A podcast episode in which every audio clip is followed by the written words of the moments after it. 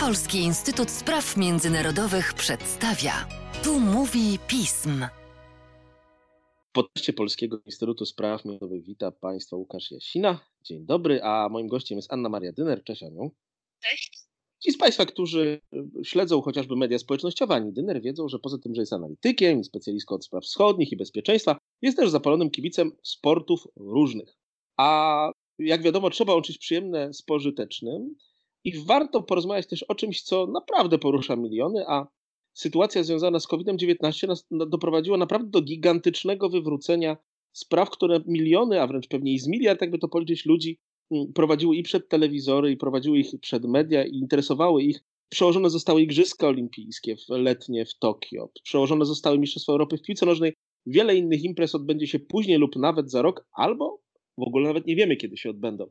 I o tej sytuacji w międzynarodowym sporcie, który jest ważnym elementem światowego życia politycznego, chciałem z Tobą właśnie, Aniu, porozmawiać. Jak straszna to jest katastrofa, chaos, wywrócenie świata o 180 stopni dla ludzi, którzy się e, sportem interesują? Prawy chaos zapanował już e, w połowie marca, kiedy poszczególne państwa ze względu na pandemię koronawirusa podejmowały decyzje odnośnie do zamykania swoich gospodarek, odnośnie do wprowadzenia dystansu społecznego, odnośnie do tego, że były takie momenty w wielu e, krajach świata, że ludzie mieli bardzo ograniczone możliwości poruszania się, wychodzenia z domu, co jak wiadomo nie sprzyja profesjonalnemu treningowi i profesjonalnym rozgrywkom sportowym. Oczywiście za tymi decyzjami państwowymi poszły decyzje różnego rodzaju federacji sportowych o tym, że rozgrywki albo zostały zawieszone na czas nieokreślony, albo zostały wręcz zakończone. Część zawodów, tak jak wspomniałeś, czy ważnych turniejów e, się nie odbyła i została przeniesiona, jeżeli chodzi o te najważniejsze zawody tegoroczne, o których myślimy, czyli Igrzyska Olimpijskie. Mm, zostały również przeniesione e, Mistrzostwa mm, Europy w piłkę nożną, które miały się odbyć e, w kilkunastu państwach europejskich. Natomiast to nie jest tylko prosta decyzja o tym, że takie zawody są przeniesione, kibice co najwyżej, którzy kupili bilety, będą zachowają te bilety na rok kolejny, co najwyżej muszą zmienić rezerwacje w hotelach itd., tak itd. Tak Ale z tym jest związane mnóstwo innych rzeczy. Po pierwsze, system zawodów światowych jest systemem naczyń połączonych. No i na przykład e, przełożenie e, Igrzysk Olimpijskich poskutkowało tym, że przyszłoroczne Mistrzostwa Świata w lekkiej atletyce też musiały zostać przełożone o kolejny rok. Dlatego, że jakby lekka atletyka, zwana królową sportu, jest podstawą Igrzysk Olimpijskich, no i trudno oczekiwać, żeby dwie, dwa zawody tej rangi e, odbyły się dość w krótkim czasie po sobie, więc to jest, to jest pierwsza sprawa. E, również jeżeli chodzi choćby o Mistrzostwa Europy w piłkę nożną, mm, ta decyzja akurat ułatwiła życie w tym roku federacjom e, członkowskim, czyli Federacją Państw Członkowskich zrzeszonych w UEFA, dlatego że dzięki temu większość z lig piłkarskich jednak wznowiła lub będzie wznawiać rozgrywki w najbliższym czasie, co byłoby niemożliwe, gdyby jednak ten turniej e, się miał odbywać. Oczywiście byłoby pytanie, jak miałby się odbyć, jak miałyby się przemieszczać drużyny, jak można byłoby zachować bezpieczeństwo, co z kibicami itd., tak itd. Tak Także widać było, że to była jedyna sensowna decyzja. Natomiast e, przyznam Ci szczerze, że nawet z ciekawości sprawdziłam, jak to wygląda w mniej popularnych dyscyplinach sportu, w tym sensie, że może mniej oglądanych e, w Polsce, więc właściwie wszędzie jakieś straty są. E, na przykład została e, przełożona Olimpiada Szachowa też na przyszły rok, która miała odbyć się w Moskwie w tym roku. Przesunięto Mistrzostwa Świata w łucznictwie, czy halowe Mistrzostwa Świata w lekkiej atletyce. Tak samo przesunięto też Puchar Sześciu Narodów, to jest puchar, który grają naj, naj, najlepsze drużyny europejskie w rugby. Czyli właściwie, Aniu, sport leży na wszystkich frontach. Oczywiście mówimy tu o tym wyczynowym. Jak to się ma do krajów wyjątków? Tutaj, nim wrócimy do generalitatów, muszę oczywiście zahaczyć o Białoruś. Białoruś miała taką opinię kraju, w którym e, te sprawy właściwie nie zostały zamknięte, w którym sport dalej funkcjonował. Czy Białoruś też się poddała? Nie. Akurat Białoruś jest e, jednym z nielicznych państw, gdzie wszystkie ligi funkcjonowały.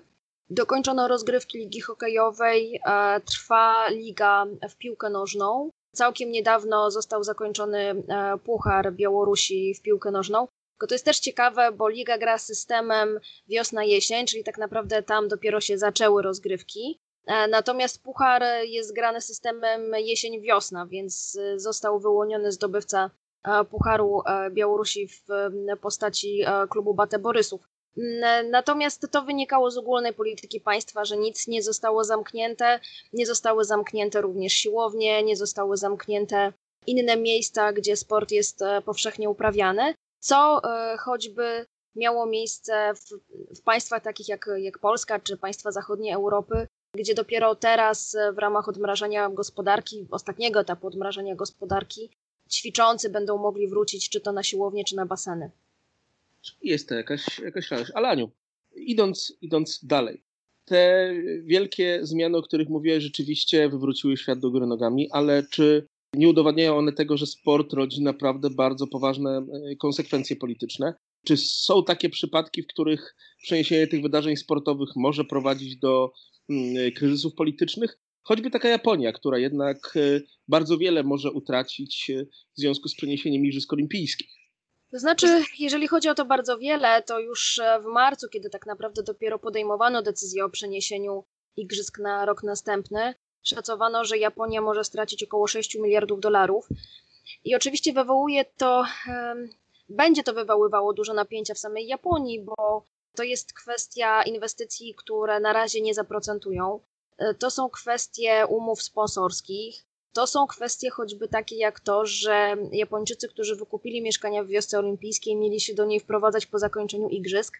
No, problem polega na tym, że igrzyska dopiero za rok.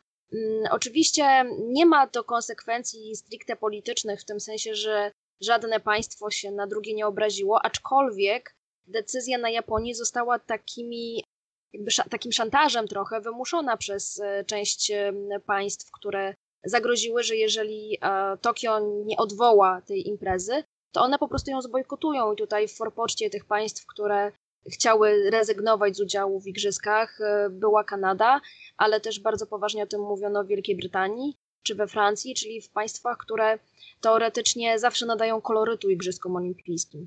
Jak e, uważasz, to się będzie dalej rozwijało? Czy, czy uda się sportowi wyjść, światowemu systemowi sportowemu wyjść z tego chaosu, który został spowodowany odwołaniami roku 2020 i 2021? Czy, mm, czy te wielkie zmiany nie doprowadzą jednak do tego, że będziemy musieli całe nasze międzynarodowe podejście do sportu e, jako takiej rozrywki dla wielu narodów e, przemyśleć na nowo?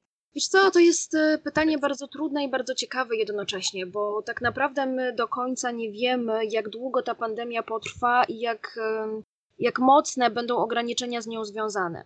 Na razie myśli się o odmrażaniu części sportu, a tak jak już wspomnieliśmy choćby o najbardziej popularnych ligach piłkarskich, to jako pierwsza wróciła niemiecka Bundesliga.